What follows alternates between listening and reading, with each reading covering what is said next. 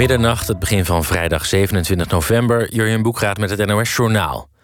In Argentinië is de uitvaart gaande van Diego Maradona. De voetballegende wordt bijgezet in een familiegraf... niet ver van de hoofdstad Buenos Aires.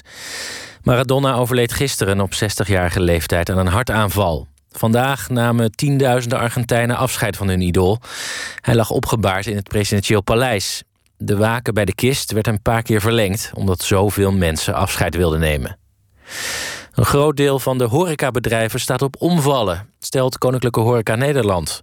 De branchevereniging zegt dat er per direct aanvullende financiële steun en toekomstperspectief nodig zijn.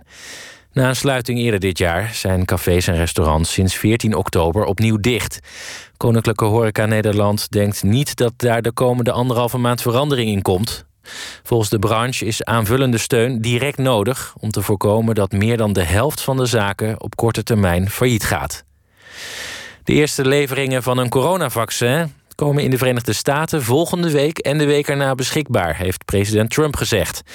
De eersten die het vaccin krijgen zijn ouderen en medisch personeel. Trump zei er niet bij om welk vaccin het precies gaat. In de Europa League heeft PSV thuis gewonnen van PAOK Saloniki. De club uit Eindhoven kwam binnen een kwartier op 0-2 achterstand. Maar dankzij goals van Gakpo, Madueke en Malen werd het uiteindelijk 3-2. Feyenoord speelde met 0-0 gelijk bij en tegen CSK Moskou. De Rotterdammers speelden bijna de hele tweede helft met 10 man... na een rode kaart voor Jurgensen. Ook AZ speelde gelijk. In Alkmaar werd het 0-0 tegen Real Sociedad. Het weer. Geleidelijk overal droog. Minima vannacht van 6 graden onder bewolking en bij opklaringen dicht bij het vriespunt. Plaatselijk mist. Morgen vooral in het noorden druilerig. In het zuiden ook kans op wat zon. Het wordt rond de 8 graden. Dit was het NOS Journaal. NPO Radio 1. VPRO. Nooit meer slapen.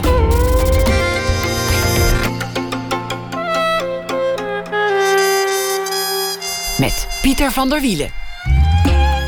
Goedenacht en welkom bij Nooit meer slapen. Het was een eenvoudige gedachte. De gedachte dat armoede misschien wel een beter verdienmodel kon zijn dan palmolie winnen op een plantage of hengelen in een lege zee. Er verdienen zoveel mensen geld aan armoede. Adviseurs, ontwikkelingsdeskundigen, fotografen en tja, auw, ook hijzelf, de betrokken kunstenaar. Dat was de gedachte van de film Enjoy Poverty, een steen in de vijver, die kunstenaar Renzo Martens in 2008 erin wierp. Werd het belangrijkste kunstwerk sinds Genoemd. Niet door uh, Piet uit Café Het Emmertje, maar door een toonaangevend kunstcriticus. Nou, dat is een groot compliment. Want het is waar, fijn betrokken kunst, maar pikken de armen op de Congolese plantages waar het uiteindelijk over gaat er ook iets van mee. Er is een nieuwe film, White Cube, en daarin vertelt hij het verhaal van de twaalf jaar die volgden op het vorige project. En er gebeurt iets radicaals in deze film. De plantagewerkers worden nu zelf kunstenaar. De plantage wordt een museum en de gentrificatie van het oerwoud is begonnen. Al binnen een week liggen er brieven van Londense advocatenkantoren, komen de soldaten. Een sterker beeld van kolonialisme in onze tijd heb ik zelden gezien. Renzo Martens huilt op camera, want zijn plan is mislukt. En vanaf dat moment is het aan de Congolezen zelf. Renzo Martens is kunstenaar, geboren 1973. Welkom. Dank je. Al die prijzen die je hebt gewonnen, die grote complimenten van, uh, van, van recensenten, mensen die, die promoveren op je werk. Er zijn hele bibliotheken over volgeschreven. Fancy uitreikingen. Zit er eigenlijk ook nog wel ijdelheid in bij jou? Doet het je in persoonlijke zin nog wel iets? Uh, ja, voor zover er ijdelheid in zit, uh, denk en hoop ik die in te kunnen zetten als uh, motor om nog gevaarlijker dingen te gaan doen. Dus die ijdelheid ongetwijfeld hoor, want je moet um, ja, je moet wat in het leven en uh, je, je moet best wel een beetje een hoge pet van jezelf op hebben uh, om überhaupt wat te gaan proberen in die grote gevaarlijke buitenwereld. Zonder ijdelheid lagen we allemaal op bed de hele dag. Ja, en ik zeker. Maar um, de, de ijdelheid probeer ik uh, te thematiseren en te gebruiken voor een, een groter goed. Het is een vraag die, die tegelijk ontzettend flauw is. Als iemand iets goeds doet in de wereld of iets aankaart ga je meteen wijzen en dan zeg je van ja, nee, doe je ook een beetje voor jezelf, hè? doe je ook een beetje voor je ego. Verdient dat nou lekker? Hmm. Alsof iemand meteen een soort, soort monnik moet zijn om, om aan de kant van, van een betere wereld te gaan staan. Hmm. Ja. Nou, ja. Uh, goh, het is, het is, het is twaalf uur s'nachts, weet je. Normaal lig ik gewoon al in bed. Uh, ik heb twee kinderen, ik sta om zes uur s ochtends op. Dus nu moet ik midden in de nacht gaan, gaan bedenken over of ik nou een monnik ben en ijdel en dit en dat en zo en zo. Ik ben ook nog een witte man in Afrika. Allemaal moeilijke thema's die je me daar voor de voeten gooit. Wat moet ik hiermee? Nou, dat is, dat is een hele goede vraag. Moet je je verdedigen? Moet je gewoon vertellen wat de verontwaardiging was? Ik die moet omarmen. Ik moet omarmen. Dat moet ik doen. Ik moet omarmen wie ik ben. Of moet ik jou motiveren met mijn vragen? Nee, nee, het komt helemaal goed. Uh, maar um, ja, ijdelheid en uh, ook winstbejag en um, ook gewoon er zelf mogen zijn. Um, en ook uh, bedenken hoe dat nou toch moet. Ik ben een, een, een, een, witte man. Ik ben 47 jaar oud. En al heel mijn leven, besef ik me plots, leef ik op de kap van andere mensen die niks verdienen.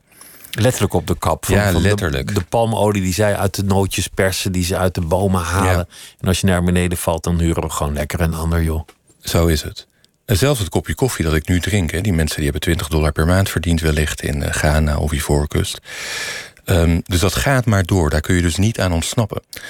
Um, en dat is ook niet iets van het verleden. Zo van, oh, honderd jaar geleden of in de Gouden Eeuw of weet ik veel wat. Hè. Toen kolonialisme, ons slavernijverleden. Het is hier en nu. Het is hier en nu. En um, we hadden het net over ijdelheid. Ik benoemde ook nog dat ik dus een witte man ben. Ik probeer dat gewoon zo frontaal mogelijk in te zetten. Om daarmee de wereld en de economische structuren daarin... en wie wel en wie geen kunst mag maken... ik probeer dat te begrijpen. En ik denk dat ik dat beter kan begrijpen... als ik niet ontken dat ik ijdel ben. Als ik niet ontken dat ik een witte man ben. Als ik niet ontken dat ik uh, ja, voordeel heb bij armoede. Maar dat gewoon op tafel leg. Deel maak van de grotere vergelijking. Mezelf, mijn Niet mede, wegkijken. Mijn Niet medeplichtigheid omarmen. Want we zijn allemaal medeplichtig. Nou ja, ik zeker. En ik denk de meeste luisteraars ook, ja. In, in die film was, was dat ook wel de gedachte van... ja, er wordt gewoon geld verdiend aan armoede.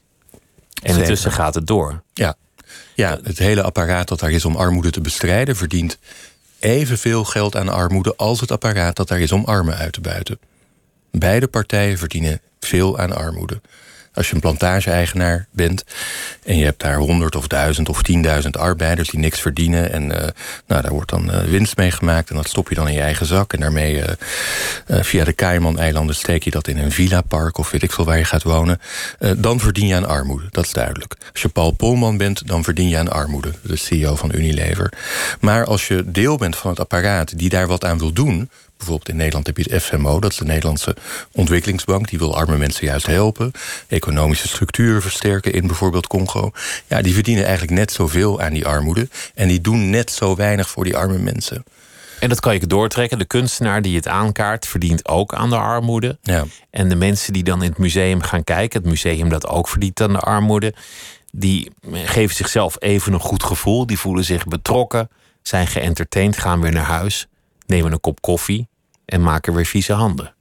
Alles blijft bij het oude. Ja, en Joy Poverty gaat, uh, de film die ik dus eh, in 2008 uh, eh, uitkwam, um, lang geleden, die toonde een wereld waar eigenlijk geen uh, uitweg uit is. Iedereen is deel van het in stand houden. Ook de mensen die het ogenschijnlijk zouden willen uh, verhelpen, maakt deel van het in stand houden van schrijnende, abjecte economische ongelijkheid. Dus betrokken kunst, dat is misschien heel leuk voor de kunstenaar, misschien heel leuk voor het publiek hier in het, in het Westen, die, die gaan kijken. Maar uiteindelijk doet het gewoon helemaal niets voor de mensen over wie het gaat. Ja, dit, uh, dit stel je heel bout. Heel, uh, er zijn natuurlijk heel veel kunstenaars die echt het hart op de goede plaats hebben. Zoals er ook heel veel uh, ontwikkelingswerkers zijn. En misschien zelfs wel wat plantagearbeiders, pardon, plantage-eigenaren. Die ook het hart op de juiste plaats hebben. En die voor zichzelf zeker een, een narratief hebben waarbij dat allemaal toch klopt. En dit en dat. Dus er zijn zeker individuen die dat heel erg goed proberen te doen. Die echt met hart en overgave gaan schilderen over hoe slecht armoede wel niet is. Of hoe slecht ons koloniale verleden was. En uh, ja, God uh, moet hen dat toestaan. Dat is allemaal prima, laat ze dat doen. Maar als je naar de grotere structuur kijkt, dan denk ik dat heel vaak de voordelen van het maken van dat soort kunst over misstanden, over het verleden, over het heden, zich accumuleren in plekken die toch al rijk waren. En niet op plekken ja, die dan wat minder rijk zijn of arm zijn. De voordelen komen niet terecht. De voordelen in materiële zin, maar ook de voordelen in immateriële zin. Inderdaad. De, de intellectuele verrijking, de bewustwording, ja. et cetera. Ja, het is allemaal voorbehouden voor mensen die toch al geld hadden. Ja. Is, is dit nou cynisch of, of is dit nou juist het tegenovergestelde van cynisch? Wat zijn we eigenlijk Nee, als je echt cynisch bent, dan benoem je dit niet. Dan laat je het gewoon zitten. Dan laat je het gewoon zitten. En dan zeg je, oh, ik ben echt heel fijn de armen aan het helpen. En ondertussen uh, doe je gewoon jezelf je eigen ding. Dus dat, uh, dit benoemen is zeker niet cynisch. Nee. Wel een verwijt dat soms kwam. Wat een cynische film. Wat, wat, uh, wat ziet hij allemaal zwart, et cetera. Ja, maar ja, als het niet ja, het, het, het, het, het schildert inderdaad een heel trieste realiteit, maar uh, die is gewoon waar. Uh, er is, die film kwam uit in 2008.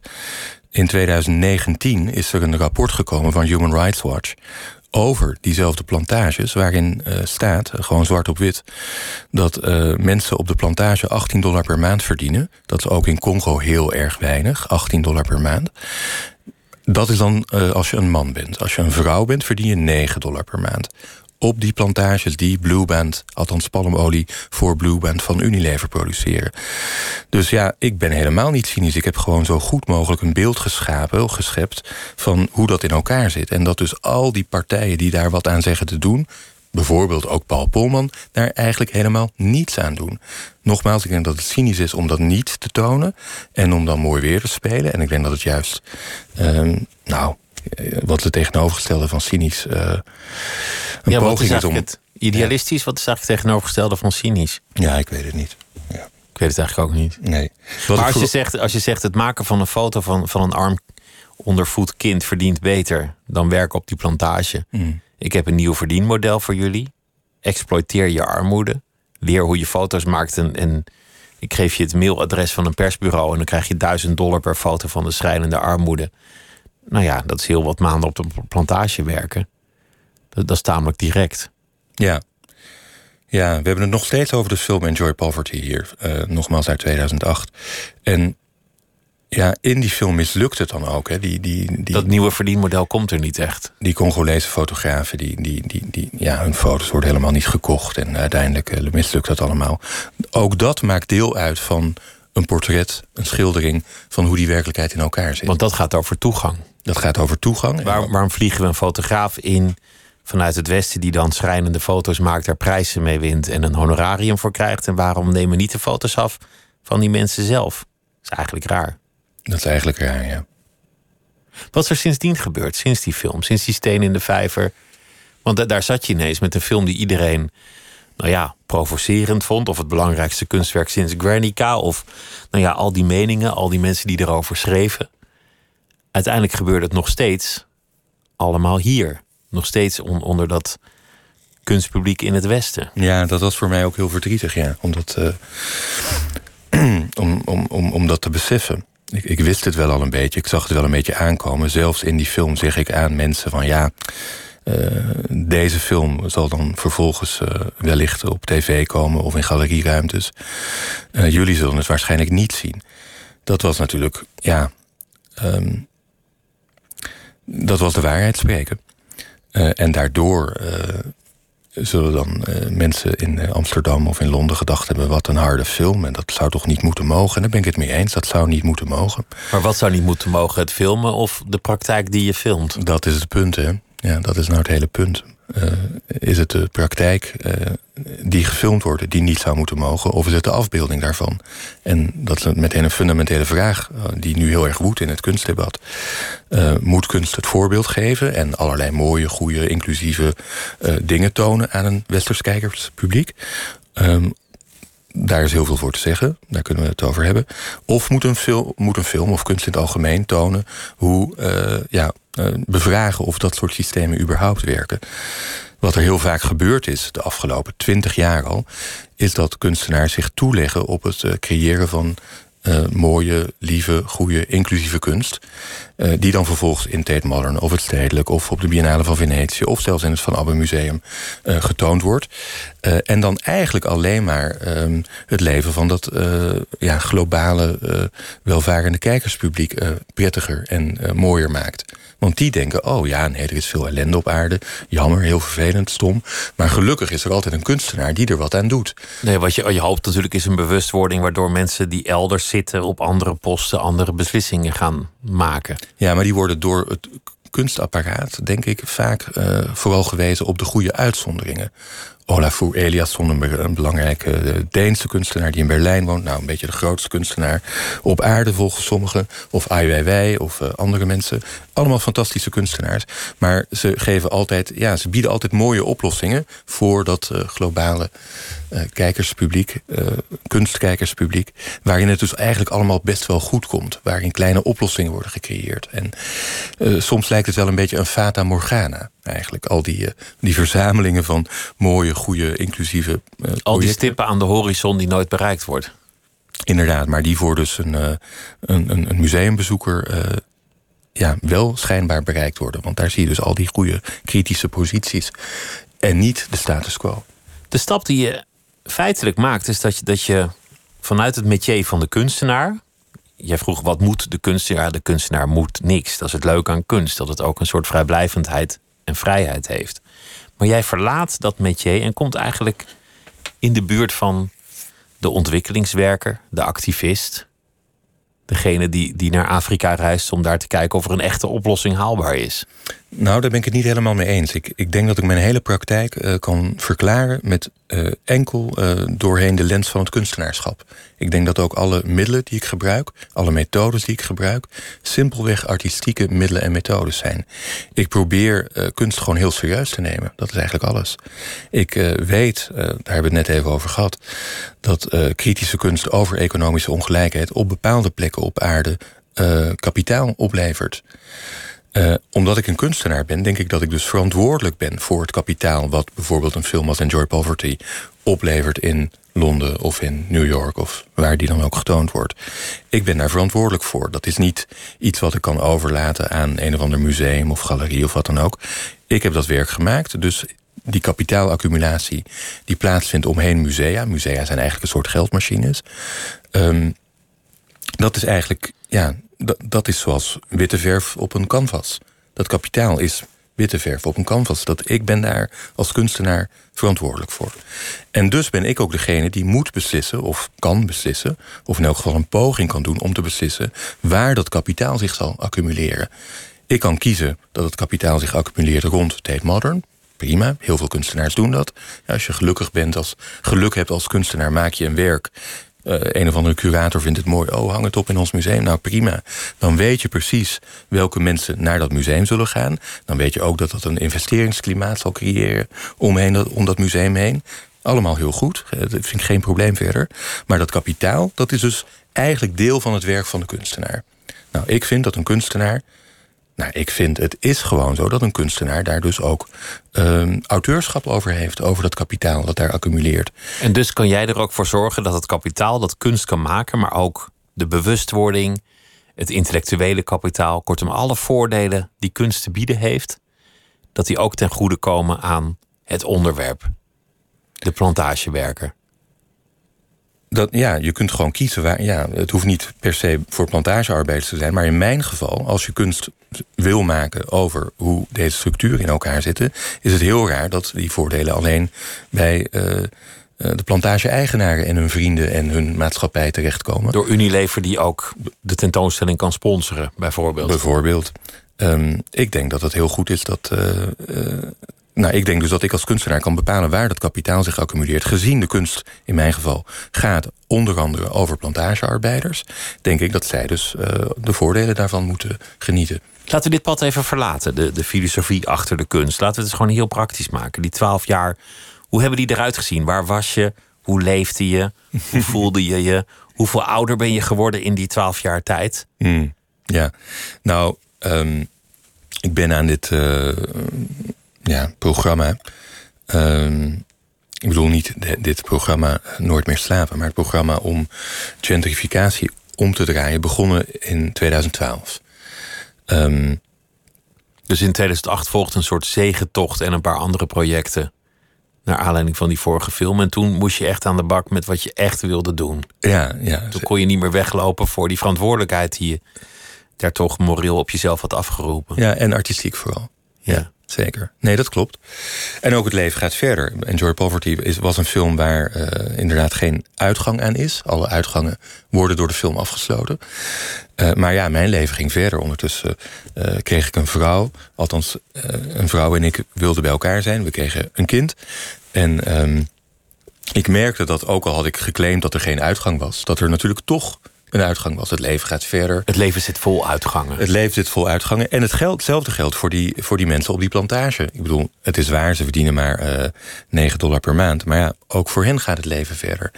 En, um, en uh, ook voor hen, uh, ja, zij, zij waren nog in leven. Ik dacht, het zou ja, heel fijn zijn als ze de volgende keer misschien wel kunnen gaan genieten van de voordelen van kritische kunst. Dus kortom, uh, toen ben ik uh, afgereisd naar Congo, een plaats die Boteka heet. Uh, Boteka is een van de ja, voormalige Unilever-plantages in Congo. Ik zeg voormalig tussen aanhalingstekens, want ja, dat, dat wordt gewoon nog allemaal bepaald door, door die mensen in Londen daar. Nou, die geschiedenis is interessant. Het is een, een plantage gesticht, nou, laten we zeggen begin 20e eeuw, mm. door meneer Lever zelf. En ja, al die tijd wel van eigenaar veranderd, maar ze maken nog steeds palmolie die terechtkomt in margarine. Ja, in Blueband margarine voor Unilever. Nou ja. De winsten gaan nog steeds naar Rotterdam en uh, Londen. Ja. Wat is het voor plek? Nou, het is een. Uh, die eerste plantage, dus Boteca, ja, is echt uh, het, het oerwoud, zeg maar. Um, een rivier, uh, Congo-bekken is een, een, een ja, bijna eindeloos groot oerwoud. Met daardoor uh, rivieren stromen daar doorheen. Die eindigen dan in de Congo-rivier. En uh, Lever heeft um, um, in samenspraak met de Belgische koloniale overheid... de allerbeste stukjes met de allerbeste uh, vruchtbare land heeft hij gekozen. En daarna geconfiskeerd.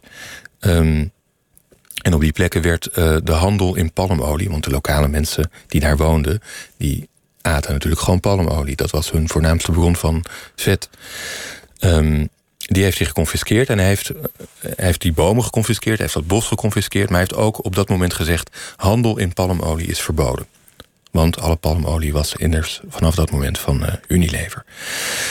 En hebben ze altijd, ja, alle bomen die geen palmbomen waren, uh, die hebben ze omgehakt. Echt eindeloos grote gebieden. Um, en daar uh, ja, hebben ze palmboompjes geplant. En op dat moment was dus nog maar één uh, soort uh, plant toegestaan, namelijk palmolieplanten. En nog maar één soort mensen, arbeiders op plantages. Ik wil het niet per se helemaal slavernij noemen, maar de mens werd wel gereduceerd tot een productiemachine. Er zit een moment in deze film, en dat is een moment waar heel veel dingen bij elkaar komen.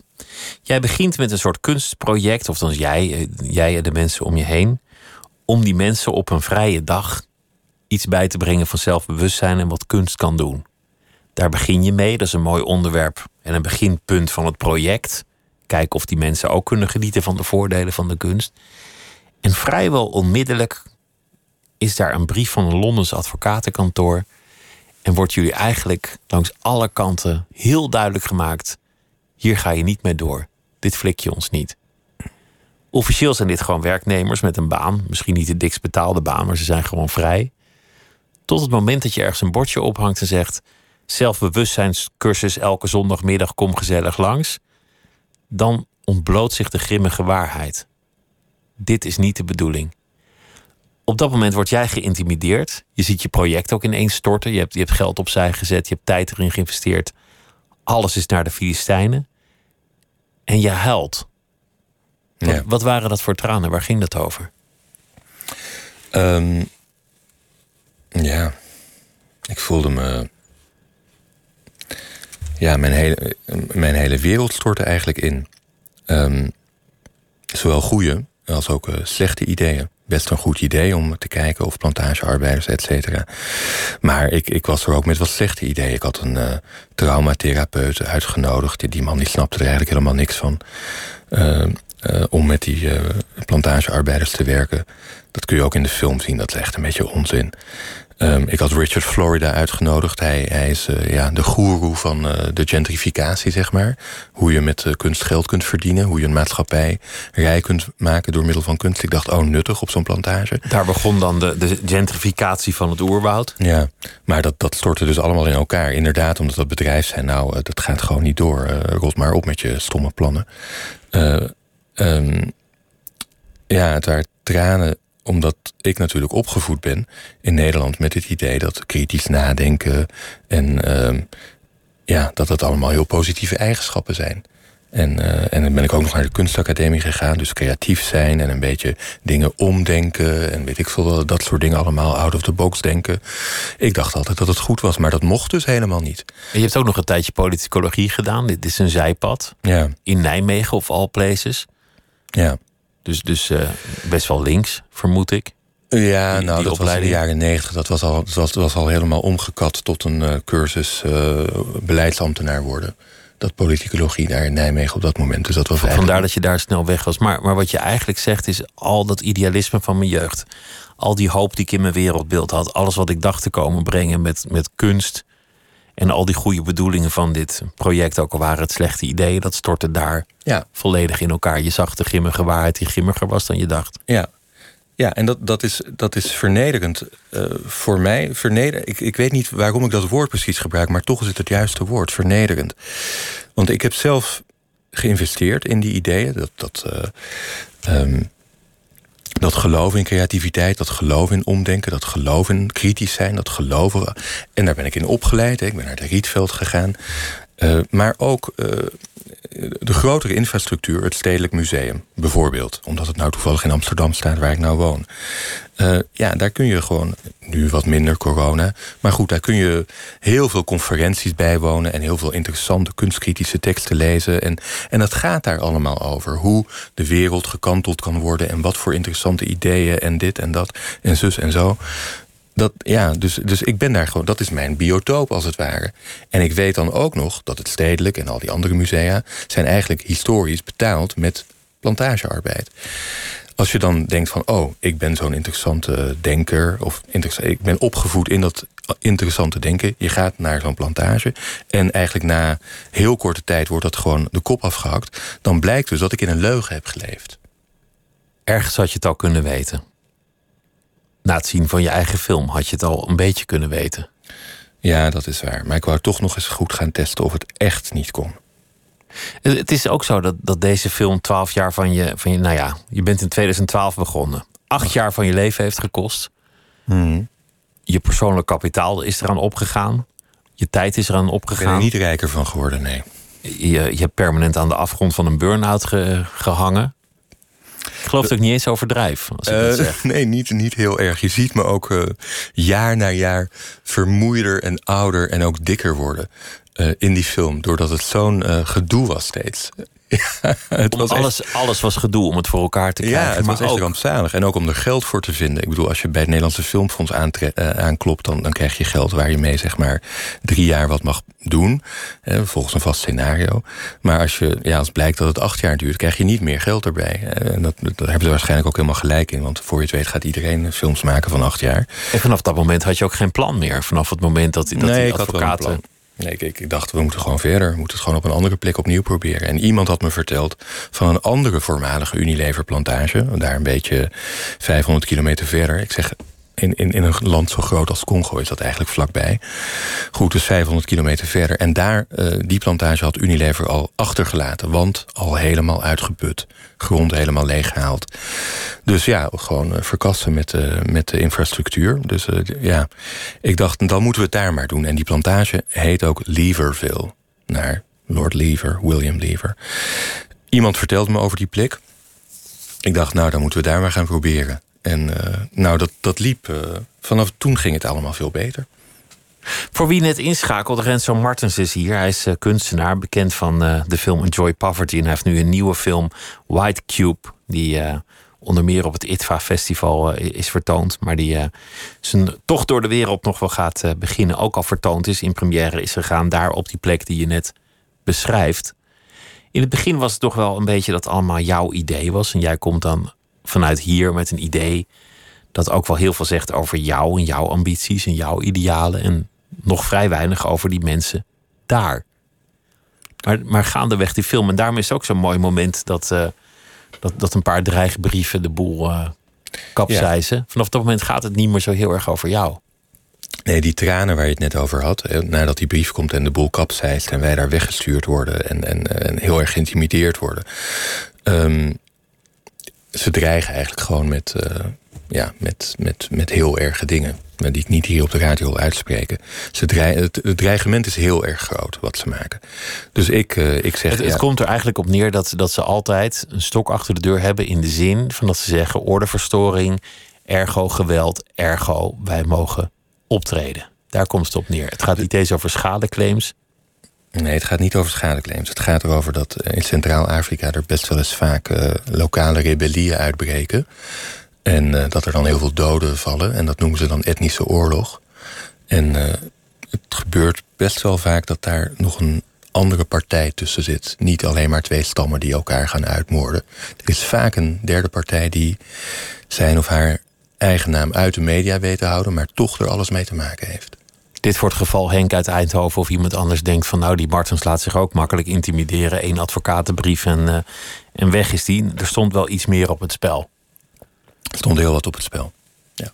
Nou, laten we teruggaan naar, naar het project. In de eerste film was de gedachte: maak zelf een foto van je armoede. In plaats van dat een of andere persfotograaf daar later een, uh, een World Press foto mee wint. En dat verdient beter dan nootjes uh, schrapen uit een palmboom. In dit geval is, is de gedachte: maak zelf kunst, verover zelf de kunstwereld. Hoe makkelijk was dat aan de man te brengen? Daar in Congo? Ja. Nou, kijk, zo gauw ik door had dat, dat het dus niet ging lukken met mijn uh, uh, ideeën. En dat, dat ik me vanaf, ja, vanaf toen moest ik me overgeven aan wat uh, mensen zelf konden en wilden en de ideeën die zij hadden. Dus die tranen waar we het net over hadden, gingen niet alleen over ja, dat mijn ontzettend goede ideeën uh, faalden. Maar ook dat bleek dat die ideeën van mij dus helemaal niet goed waren. Dus uiteindelijk zou je dat heel grof kunnen vertalen naar ego. Het waren ook een beetje ego-tranen. Nou, het waren misschien wel tranen van vernedering en verlossing tegelijkertijd. Want al die ideeën waar ik mee aan was gekomen, die ik dus rechtstreeks had gecopy-paste uit eender welke kunstconferentie hier, die bleken niet te werken. Um, en het bleek allemaal daarna wel te werken toen ik me alleen maar als een soort van. Uh, ja, als een soort van. Ik weet niet hoe ik het moet zeggen, wat ik daarna werd. Iemand die ging luisteren naar wat uh, Mathieu Kassiama en Irene Kanga en uh, Mbuku Kimpala te vertellen hadden. En, en, en meer een soort. Ja, in het Engels zou je enabler zeggen. Iemand die, die het mogelijk maakt voor hen om daar de wereld mee rond te gaan. Dat was eigenlijk een veel leukere. Misschien wel een soort curator. Een soort curator, ja. Op die plantages komen echt nooit curatoren. Dat is ook wel weer apart. Heel de wereld uh, is nou één wereld geworden. Toch zijn er enorme gebieden waar echt nooit een curator komt. Je vraagt je af waarom. Maar goed, ik wel. Ik was daar dus. En blijkt dat uh, een club uh, ex-plantagearbeiders, ex-Unilever plantagearbeiders... gewoon ontzettend getalenteerd zijn. en fantastische dingen maken. Het is, het, het is, we hoeven niet de hele film te vertellen, maar het is uiteindelijk gekomen tot, tot twee dingen. Een, een tentoonstelling, onder meer in New York mm. en in Londen. Met rave reviews. Mensen, mensen waren ontzettend enthousiast over de kunst die ze te zien kregen. En, en het had ook wel iets, ja, ik, ik kan niet precies uitleggen waarom, iets komisch. Om deze mensen daar op zo'n opening te zien. Iedereen aan de lauwe witte wijn. Allemaal een beetje aan hun kin trekkend. Om die kunstwerken heen lopend. Een, een praatje van een, een, een, een of andere bobo die met lieve woorden dat opent. En dan al die verzamelaars met hun designbrillen. Die daar welwillend doorheen lopen. Ergens was het komisch. Ik, ik weet niet precies waarom. Ja, nee, zeker. Ja, het is grappig om de, de tegenstellingen samen te brengen. En ze dan plots, uh, ja, dan wordt het plots een beetje een, een, een screwball comedy wordt het wel grappig, ja. Ja, nee, zij vond het ook grappig, want ik had er een filmpje van gemaakt. Van die opening. En uh, dat was voor de tijd dat, uh, dat ik de leden van de CATPC, de Cercle d'Art des Travailleurs de Plantation Congolaise, de, de kunstkring die zij dan opgericht hebben. na een tijdje konden we dan ook nog regelen dat ze visa krijgen... en dus inderdaad naar New York of naar eh, Europa konden komen. Maar in het begin nog niet. Bij de allereerste tentoonstellingen, ja, ze hadden ook nog geen paspoort... en zelfs geen geboortecertificaat, dat krijg je allemaal niet daar. Maar goed, dus ik had een filmpje gemaakt en dat liet ik hen dan zien. En ze moesten echt gieren van... Uh, ja, ze vonden het ook super grappig dat allemaal witte mensen in pakken... ja, dat zijn mensen die alleen maar kent als de allergrootste managers... die eigenlijk ja, niet eens opkomen dagen op die plantage. Die gaan gewoon op een ander, aan de andere kant van de wereld uh, de boekhouding doen en, en, uh, en orders uitsturen. Maar die zat, zaten nu dus naar hun, uh, naar hun zelfportretten te kijken. En dan ook nog te zeggen dat het heel cool was en mooi. En er ook nog geld voor betalen. Dus dat was wel hilarisch, ja. ja. Wat was de grootste overwinning? Toch dat geld? Is het dan toch nog steeds een verdienmodel? Of, of zit de winst misschien in andere dingen? Nou, er is een scène in de film waarin Boekoe, die, die een, een, zelfportret had gemaakt... ja, ze, ze giert het echt uit als, als ze ziet dat er dus eh, geld... Uh, ja, het gaat dan ook nog over weinig geld. Ze krijgen in het begin 2000 dollar voor de allereerste sculptuurtjes die verkocht zijn. Maar dat is, ja, ze vindt dat echt een... Uh... Nou ja, als je een dollar per dag verdient door in een palmboom te hangen... met het risico je nek te breken, is 2000 dollar... Ja, maar later ze veel en veel meer gaan verdienen. Ja, gelukkig.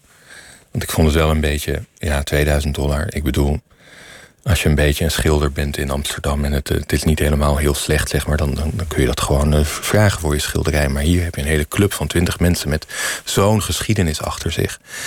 Uh, dan is 2000 dollar niet veel. Gelukkig gaat het ondertussen veel beter. Um, en uh, ja, verdienen ze veel meer geld. En, en, en, maar is dat de grootste winst, het, het geld, hmm. of, of gaat het toch over iets anders? Voor hen, voor mij? Ja, voor hen, voor jou, voor wie? Wat, als we het, als het geld even wegdenken, waar, waar zit hem eigenlijk de winst? Ja, ik denk dat het geld wel belangrijk is. Toch wel? Zo, zo plat is het eigenlijk wel geworden. Nou, ze moeten gewoon eten. Ze hebben gewoon eten nodig. Dus, dus dan gaat de, kunst, de kunstwereld gaat ook voor een groot deel over, over geld. Al, alle, alle grote verhalen daar gelaten gaat het voor een heel groot deel natuurlijk toch over, over uh, nou ja, de inkomsten. Ja, nou hier kunnen we een hele boom over zetten. Ik noemde net al dat, dat musea eigenlijk uh, geldmachines zijn. Maar dan kunnen we, ja, nu even bij CATPC blijvend. Ja, het is heel ontroerend in de film te zien hoe ze hoe blij ze zijn met dat geld. Dat is ontroerend om te zien. Maar ook hoe blij ze zijn te zien dat mensen die hen normaal niet zouden zien staan, uh, die uh, niet aan hun zouden denken. Heel, die, die plots heel veel aan. Dit zijn de consumenten van, van de palmolie en de koffie en de cacao. Die, die, uh, ja, die normaal eigenlijk nooit denken aan, uh, aan, aan, aan, aan, aan de arbeiders die dat, die, die spulletjes uh, gratis opsturen. En de, de, de marketing voor koffie of voor een uh, Magnum ijs, uh, ijsje. Magnum ijs is natuurlijk cacao en palmolie en nog wat andere ingrediënten. De marketing wordt in Amsterdam of in New York gemaakt. Dus wat zie je op een Magnum ijsje? Een heel mooie witte vrouw. Misschien een heel mooie zwarte vrouw. Maar nooit een plantagearbeider. Hier maken plantagearbeiders, Mbuku bijvoorbeeld, maakt een zelfportret. Um, dat zelfportret heet Naakt maar vier, zo heeft het genoemd in het Frans. En gemaakt in cacao en palmvet. En plots is het daar op een tentoonstelling en zijn er mensen die er heel veel foto's van maken en die zeggen dat het prachtig is en het ook nog willen kopen. Dus voor Mbuku gaat er een compleet nieuwe wereld open. Het maken van een portret alleen al zal een groot effect op iemand hebben. Om je verhaal te vertellen, om jezelf te zien, om dat om te zetten in kunst, in een narratief. En dat mm. dat dan ook gezien wordt en gewaardeerd wordt. Mm. Die effecten die, die zou ik niet bagatelliseren. Nee. Nee, nee, dat is allemaal heel belangrijk. Dat is allemaal heel belangrijk. Dat, eh, dat is zeker zo. Maar ik weet ook dat Boekel graag haar kinderen wil voeden. Dat is, dat is ook trouwens het, het gekke aan gentrificatie. Dat je dan een, een leuke wijk kunt omvormen tot een wijk met heel veel hippe koffietentjes en kunstgalerietjes. Maar, maar uiteindelijk zullen de mensen die er ooit vandaan komen ergens anders moeten leven. En uiteindelijk kunnen we niet allemaal leven van barista zijn en uh, oude racefietsen. Nee, het was ook een, uh, een hele verrassing. Ik, ik, dacht natuurlijk, ja, in het begin, hè, in, in, de eerste fase van de film, voor ik huilend weggejaagd werd, dacht ik, ja, wat, stel dat lukt. Ze maken heel mooie tekeningen 2000 dollar bijvoorbeeld. Wat gaan ze, mee, wat gaan ze daarmee doen? Toen maakte ik die, die grap die jij nu maakte, die, die dacht ik ook te kunnen maken. Ze willen vast uh, cappuccino's met havermelk en uh, inderdaad fietsen zonder remmen. Maar dat willen ze helemaal niet. Ze willen gewoon hun land terugkopen. Dus nu ze uiteindelijk, Mathieu Kassiama en Boekoe en, en hun collega's... hebben ondertussen anderhalve ton of zo verdiend, netto winst, met hun, uh, met hun kunstwerken. En dat besteden ze het eerste deel, die eerste 2000, eh, besteedt ze aan eten. Dat is de eerste behoefte, gewoon eten kopen. Maar daarna besteedt ze het aan eh, het terugkopen van hun eigen land. Dat is, eh, dat is wat ze het liefste willen. Ze willen helemaal geen cappuccino's met havermelk. Dat was een soort misselijke grap van mij eigenlijk. Ze willen gewoon hun land terug. Dat is ook heel ontroerend. Wat zo 100 jaar geleden meer is afgenomen dat willen ze eigenlijk gewoon hersteld zien. Ja, dat vind ik het ontroerendste aan de hele film. Dat uh, de tweede grote tentoonstelling is uh, in New York. Uh, Mathieu Kassiama ondertussen heeft een paspoort, heeft een visum gekregen. Nou, super. Hij gaat naar die tentoonstelling, opent die tentoonstelling... praat met Al Jazeera, komt op de voorpagina van de, het kunstkatern van de New York Times. De New York Times zegt dat het een van de beste tentoonstellingen van het jaar is. Hij is een ster. Plots, van de ene dag op de ander, hij gaat terug naar huis, met geld uiteraard. En uh, hij gaat gewoon zijn land terugkopen. Hij wil naar huis en hij wil zijn land terugkopen. Je hebt nog iets anders gedaan. White Cube is ook de naam van een museum. Daar in het oerwoud, waar je kunst naartoe hebt gehaald van mensen die zich hier al jaren engageren in de, de kunstwereld in Europa met kunst die gaat over Afrika. Bijvoorbeeld Luc Tuymans met zijn, zijn schilderijen over Congo. Mm. Hoe makkelijk was het om, om dat daar op te zetten? Om daar een paviljoen te laten komen, om die kunst daar naartoe te krijgen, om zo'n expositie te organiseren voor de mensen over wie het al die jaren al ging? Ja, in 2017 uh, eh, hebben we een, een groot uh, evenement uh, georganiseerd.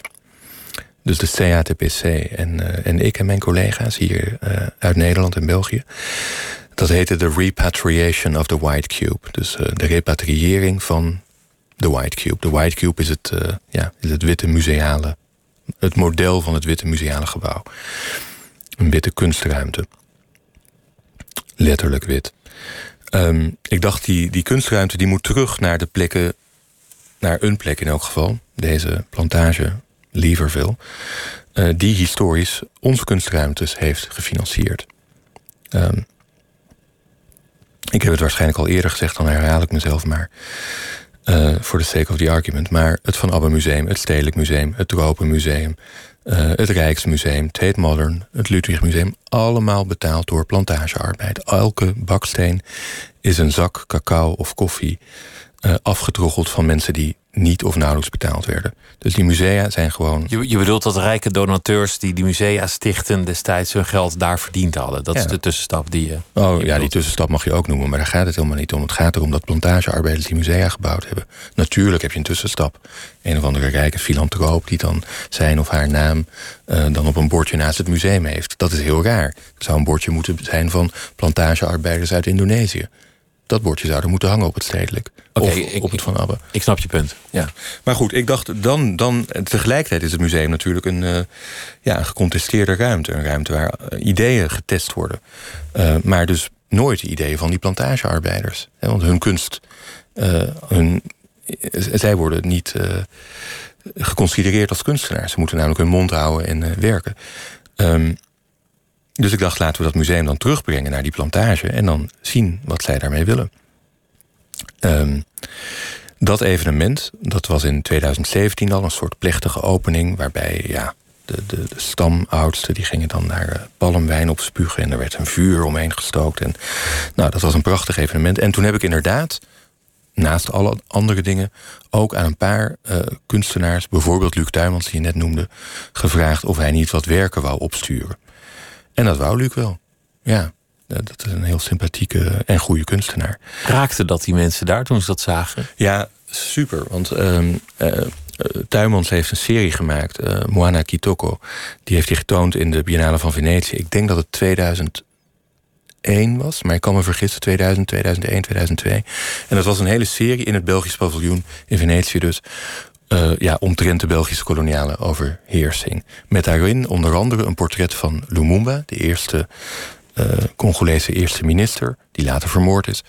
En ook van uh, koning Boudewijn, die het vliegtuig afstapt in Kinshasa, toen nog Leopoldville. Het vliegtuig afstapt en dan ja, door Tuymans geschilderd met zijn. Van een krantenfoto. Ja. Zijn specifieke stijl, ja, ga je meteen toch al vragen stellen bij de positie van die mensen, et cetera. Dat is zijn uh, kunstenaarschap, maakt dat mogelijk. Maar goed, toen uh, Boudewijn daar dus aankwam en Lumumba, geschilderd door Tuymans. En ik moet zeggen, geautoriseerde kopieën van Tuymans. Want de originele zijn miljoenen waard. Dat, dat lukte nog even niet. Maar goed, geautoriseerde kopieën. Tuymans vond het goed. Ja, uh, ze hebben die opgesteld in een soort rieten hut. Dus niet in de White Cube.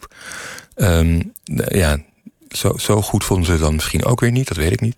Maar in een soort rieten hut die omheen de White Cube was gebouwd. Dat noemen ze kisendus. Kisendus zijn de traditionele gebouwen waarin vroeger uh, sculpturen, die later allemaal gestolen zijn natuurlijk, maar sculpturen werden getoond.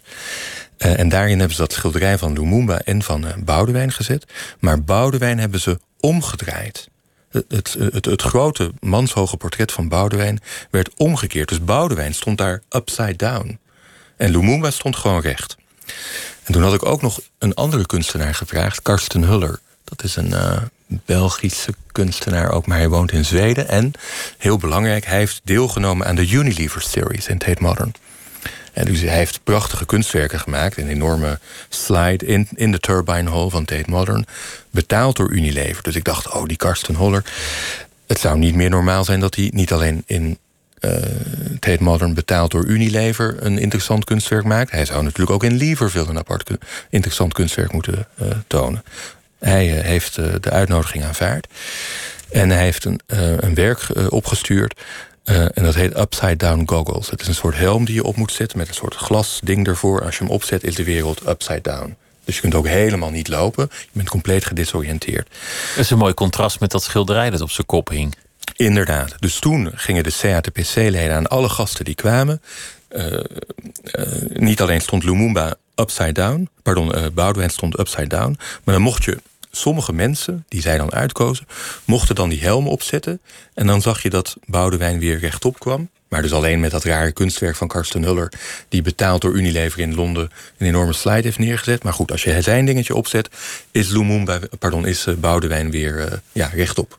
En dat, dat op zijn kop hangen, dat was toch een soort afkeer wat ze daarmee uiten? Nee, ja, dubbel veel mensen verlangen ook terug naar de koloniale periode. Want de dingen waren wel duidelijk. En uh, ik bedoel, daarna het niet per se heel veel beter geworden. Onder andere omdat bedrijven compleet vrij spel kregen. Kijk, onder de Belgen tot 1960 zijn er afschuwelijke dingen gebeurd.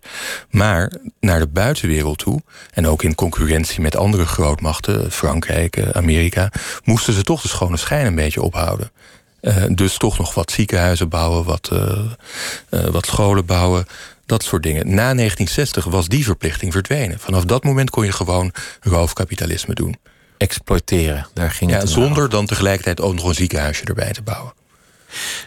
Laten we het toch nog over jouzelf hebben. Nu je dit project hebt volbracht. Het, het lang verwachte vervolg op, op je vorige project. Want, want je, je vertelde net in de lift hier naartoe iets, dat vond ik wel mooi. Dat je, dat je vroeger alleen maar klotenbaantjes wilde om niet in de verleiding te komen om, nou ja, tevreden te raken in zo'n baantje. En dan af te zien van de dingen die je echt wilde doen. Ja, dat klopt. Ja. Omdat zoveel mensen natuurlijk gewoon ergens in belanden. En het dan, nou ja, het gaat wel. En dan word je misschien ambitie, ambitievol in iets waar je niet ambitievol in zou moeten zijn. Ja, daar was ik als de dood voor. Ja. Dus ik heb alleen maar vervelende baantjes gedaan. Wat, wat was het vervelendste baantje? In Brussel de telefoon opnemen bij American Express.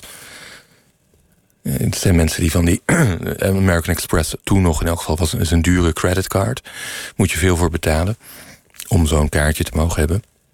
En de slogan was lang uh, don't pay sign. Dus de illusie wordt gegeven aan die mensen die zo'n kaartje hebben dat zij zo belangrijk zijn.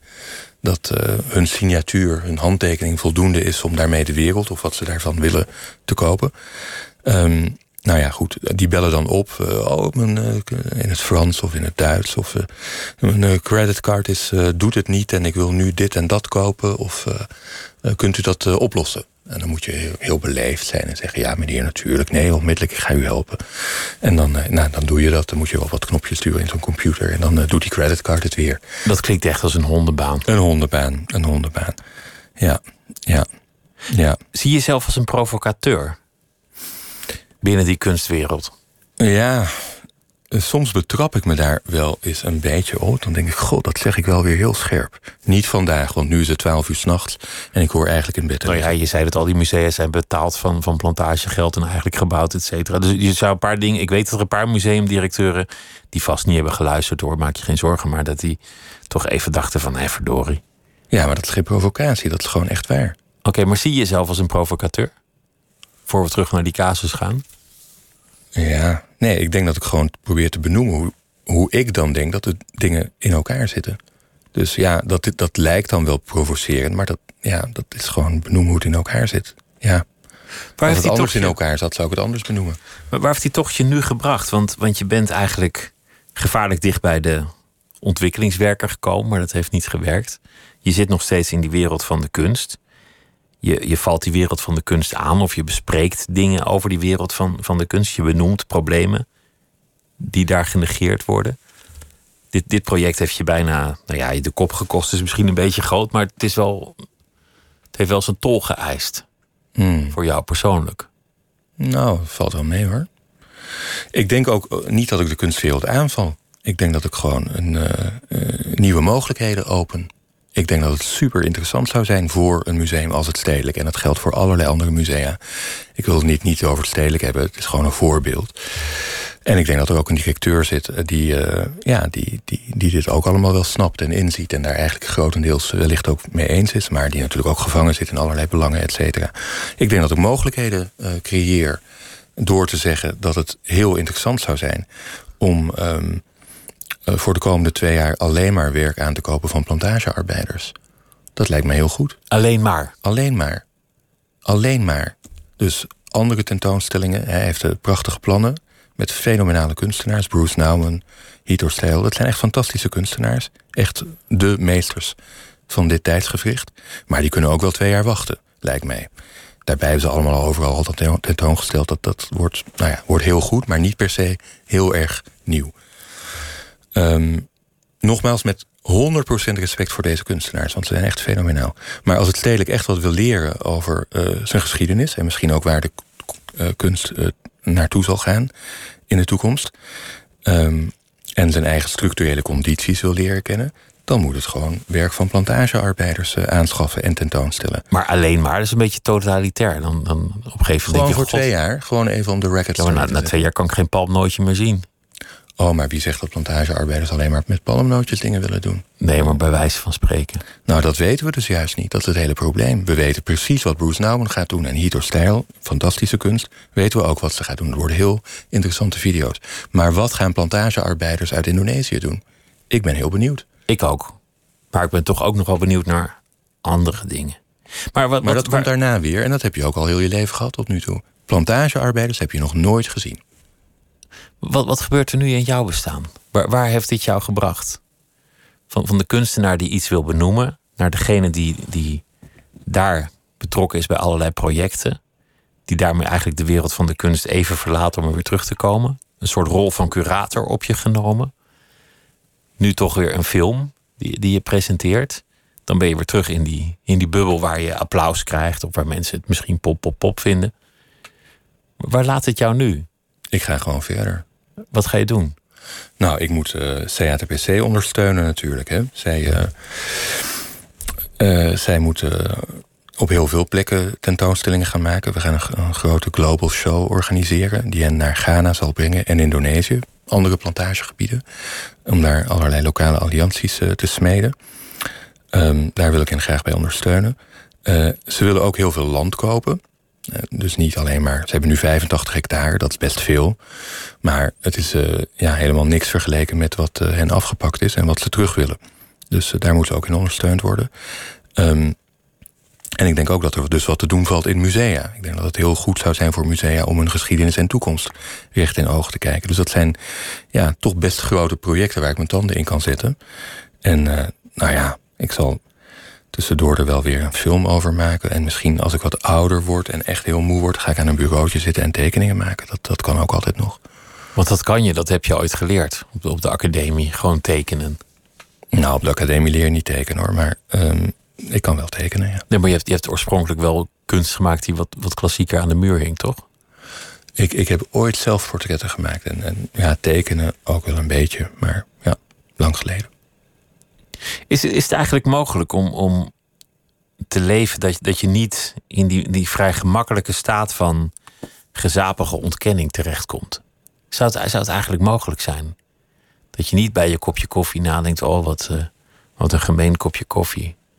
Oh nee, dat je niet wegkijkt. Ik, ik vraag me eigenlijk af of dat, of dat zou. Voor mij bedoel kunnen. Nee, voor, voor, wie, voor wie dan ook? Nee, je mag gewoon lekker een kopje koffie drinken. Nee, natuurlijk. Je moet ook wel. Want, ja, ik zou inmiddels niet meer zonder kunnen. Krijg je trillende handjes. Maar.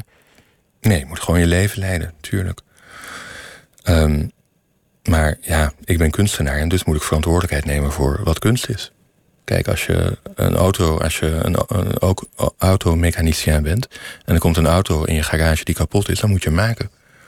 Ja. Dit is jouw vak. En jouw ik, ben vak gewoon, is. ik ben gewoon kunstenaar. Dus als ik zie dat het uh, wat kunst is en waar het is en hoe het functioneert, niet klopt met wat kunst uh, zegt en denkt en ook, ook kan zijn, dan moet ik dat repareren uiteindelijk is het gewoon de logische consequentie van je, van je vak. Ja, van je beetje. Nou ja, vak. Ik kan het niet een vak noemen. Ik weet dat heel veel mensen denken vak, vak. Maar ik, ik noem, het is gewoon wat ik doe. En als ik nou uh, witte doeken had met witte verf... en uh, zou denken, nou laat ik nou die witte verf op die witte doeken doen... en dat moet ik dan zo goed mogelijk doen, dan was dat wat ik deed.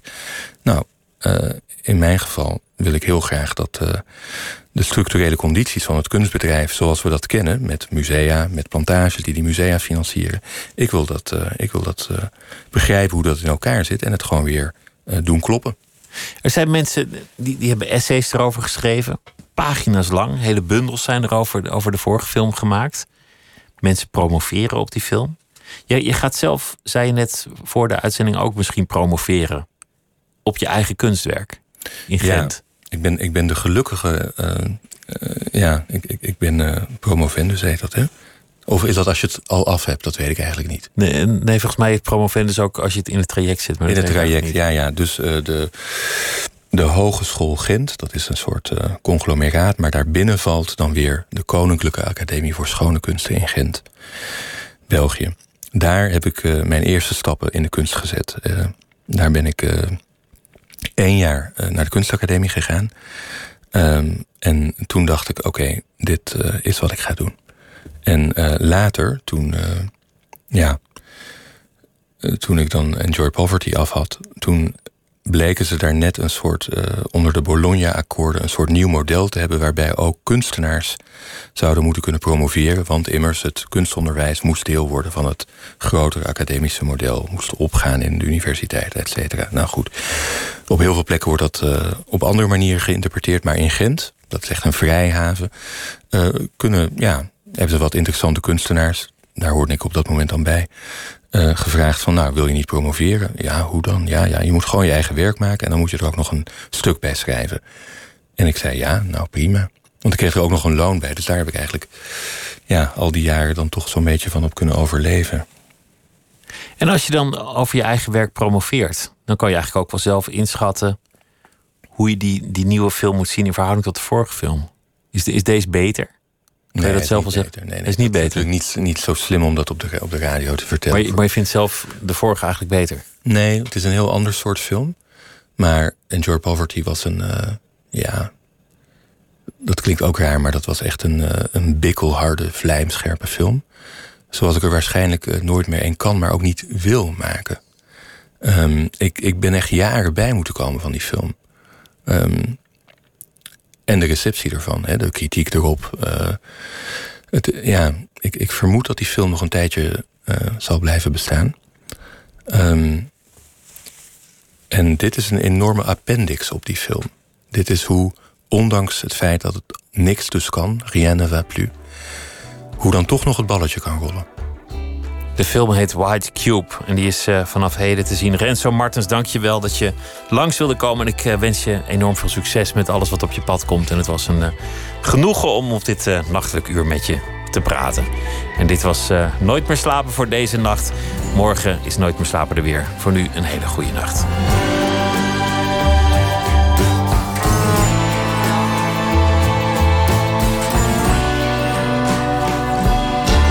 Op Radio 1, het nieuws van alle kanten.